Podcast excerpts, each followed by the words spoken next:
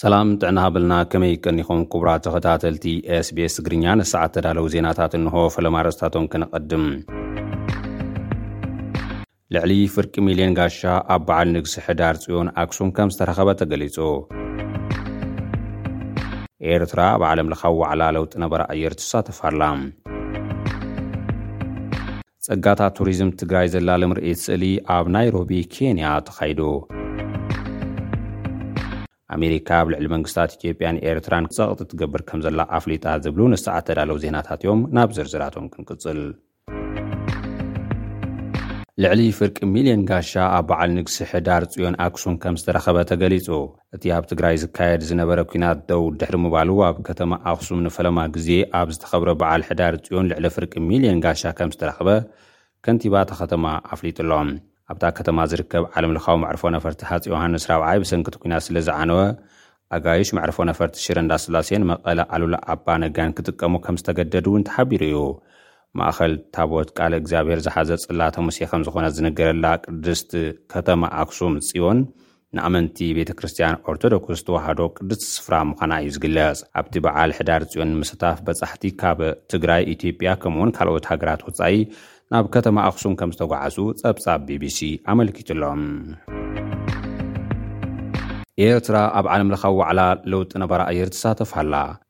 ብሚኒስትር መሬት፣ ማይን ኣከባብን ተስፋይ ገብረስላሴ ዝተመርሐ ጉጅለ ልኡኽ ኣብ ዱባይ ዝተጀመረ መበል ዕስራን ሸሞንተን ዋዕላ ዓለምለኻዊ ለውጢ ነባሪ ኣየር ሕቡራት ሃገራት ይሳተፍ ከምዘሎ ተገሊጹ'ሎ። ካብ ሓደ ታሕሳስ ክልተ ሽሕ ዕስራን ሰለስተን ዓመተ ምህረት ጀሚሩ ዝካየድ ዘሎ ኣኸባ፣ ንዓለምና ካብ ሰብ ዝሰርሖ ለውጢ ነባሪ ኣየር ንምድሓን ዘላቒ ስጉምቲ ንምውሳድ ክውሰዱ ዝግበኦም ግብራዊ ፖለቲካዊ ስጉምትታት ዝምልከት ምይይጥ መራሕትን ወከልቲ ሃገራትን መንግስታትን ኣብ ዝተረኽብሉ እዩ ተጀሚሩ ዘሎ። ሚኒስትር ተስፋይ ኣብቲ ኣጋጣሚ፣ መንግስቲ ኤርትራ ኣብ ምምካትን ምምላስ ለውጢ ነባሪ ኣየርን ዘለዎ መርገጺ ዝገልጽ መግለጺ ክህብ ምዃኑ'ውን ማዕከናት ዜና ኤርትራ ጸብጺበን ኣለዋ። ብተመሳሳሊ፣ ልኡኽ ኤርትራ ብዛዕባ ተመኩሮ ኤርትራ ኣብ ምቅላስ ሳዕቤናት ለውጢ ነባሪ ኣየር ክዘራረብ ምዃኑ'ውን ተሓቢሩ እዩ። ኣብቲ ክሳብ ዓሰርተ ክልተ ታሕሳስ ዝእከብ ዓለምለኻዊ ዋዕላ ብዓሰርተታት ሽሓት ዝቑጸሩ መራሕትን ወከልቲ ሃገራትን መንግስታትን ከምኡ'ውን ካብ መላእ ዓለም ዝኸዱ ክኢላታት ይሳተፉ ከምዘለዉ'ውን ተሓቢሩ'ሎ። ጸጋታት ቱሪዝም ትግራይ ዘላሊ ምርኢት ስእሊ ኣብ ናይሮቢ ኬንያ ተኻይዱ። ኣብ ትግራይ ዘለዉ መስሕባት ቱሪዝም ንበጻሕቲ ዓድን መራሕቲ ኣጋይሽ ወጻእን ንምልላይ ዝዓለመ ምርኢት ስእሊ ጸጋታት ቱሪዝም ትግራይ ኣብ ናይሮቢ ኬንያ ተሳሊጡ'ሎ።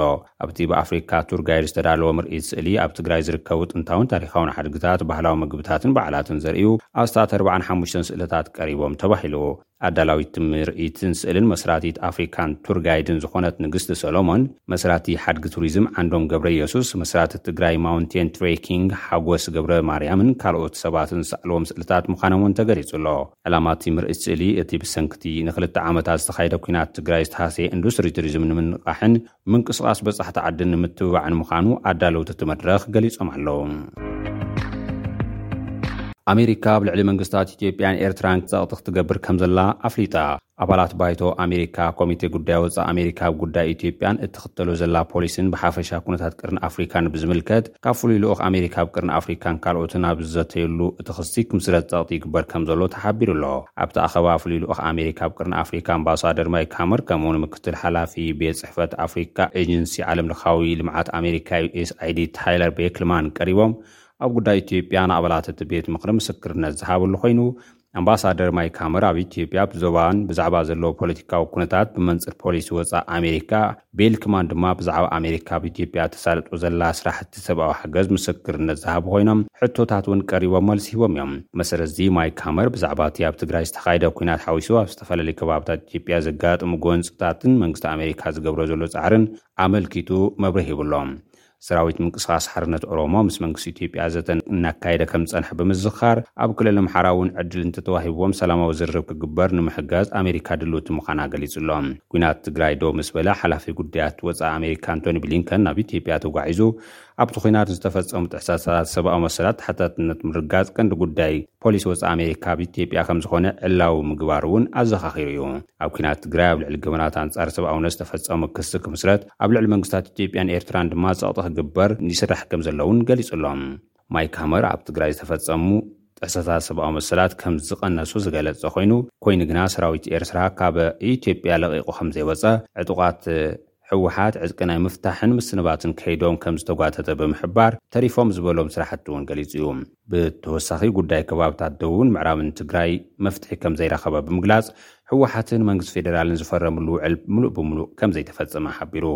ማይክ ሃመር ፍሉይ ልኡኽ ቀርኒ ኣፍሪካ ኮይኑ ምስ ተሾመ ናብ ቱርክን ሕቡራት ዓረብ ኢሚሬትስን ብምኻድ መንግስቲ ቱርኪ ንሰራዊት ኢትዮጵያ ሰብ ኣልቦ ነፈርቲ ምሃቡ ኣሜሪካ ከምዘሻቐላ እተን ድሮናት ኣብቲ ሃገር ዘሎ ኩነታት ዝገደደ ክተሓላለኽ ብምግባረን ስግኣቱ ከም ዝገለጸን ጠቒሱ'ዩ። ኣብ ጉዳይ ወጻኢ ኮንግረስ ኣሜሪካ ኣካቢ ንኡስ ኮሚቴ ኣፍሪካ ጆን ጀምስ ኣብ ዝገበሮ ዘረባ ንምምሕዳር መንግስቲ ኢትዮጵያ እውን ነቒፉ ኣሎ። ጆን ጀምስ ብዛዕባ ኢትዮጵያ ብዙሕ ብዝፈለጥኩ ቁጽሪ መንግስቲ ኢትዮጵያ ንሰላም ድሌት ከም ዘይብሉ ይርዳእ ኣለኹ።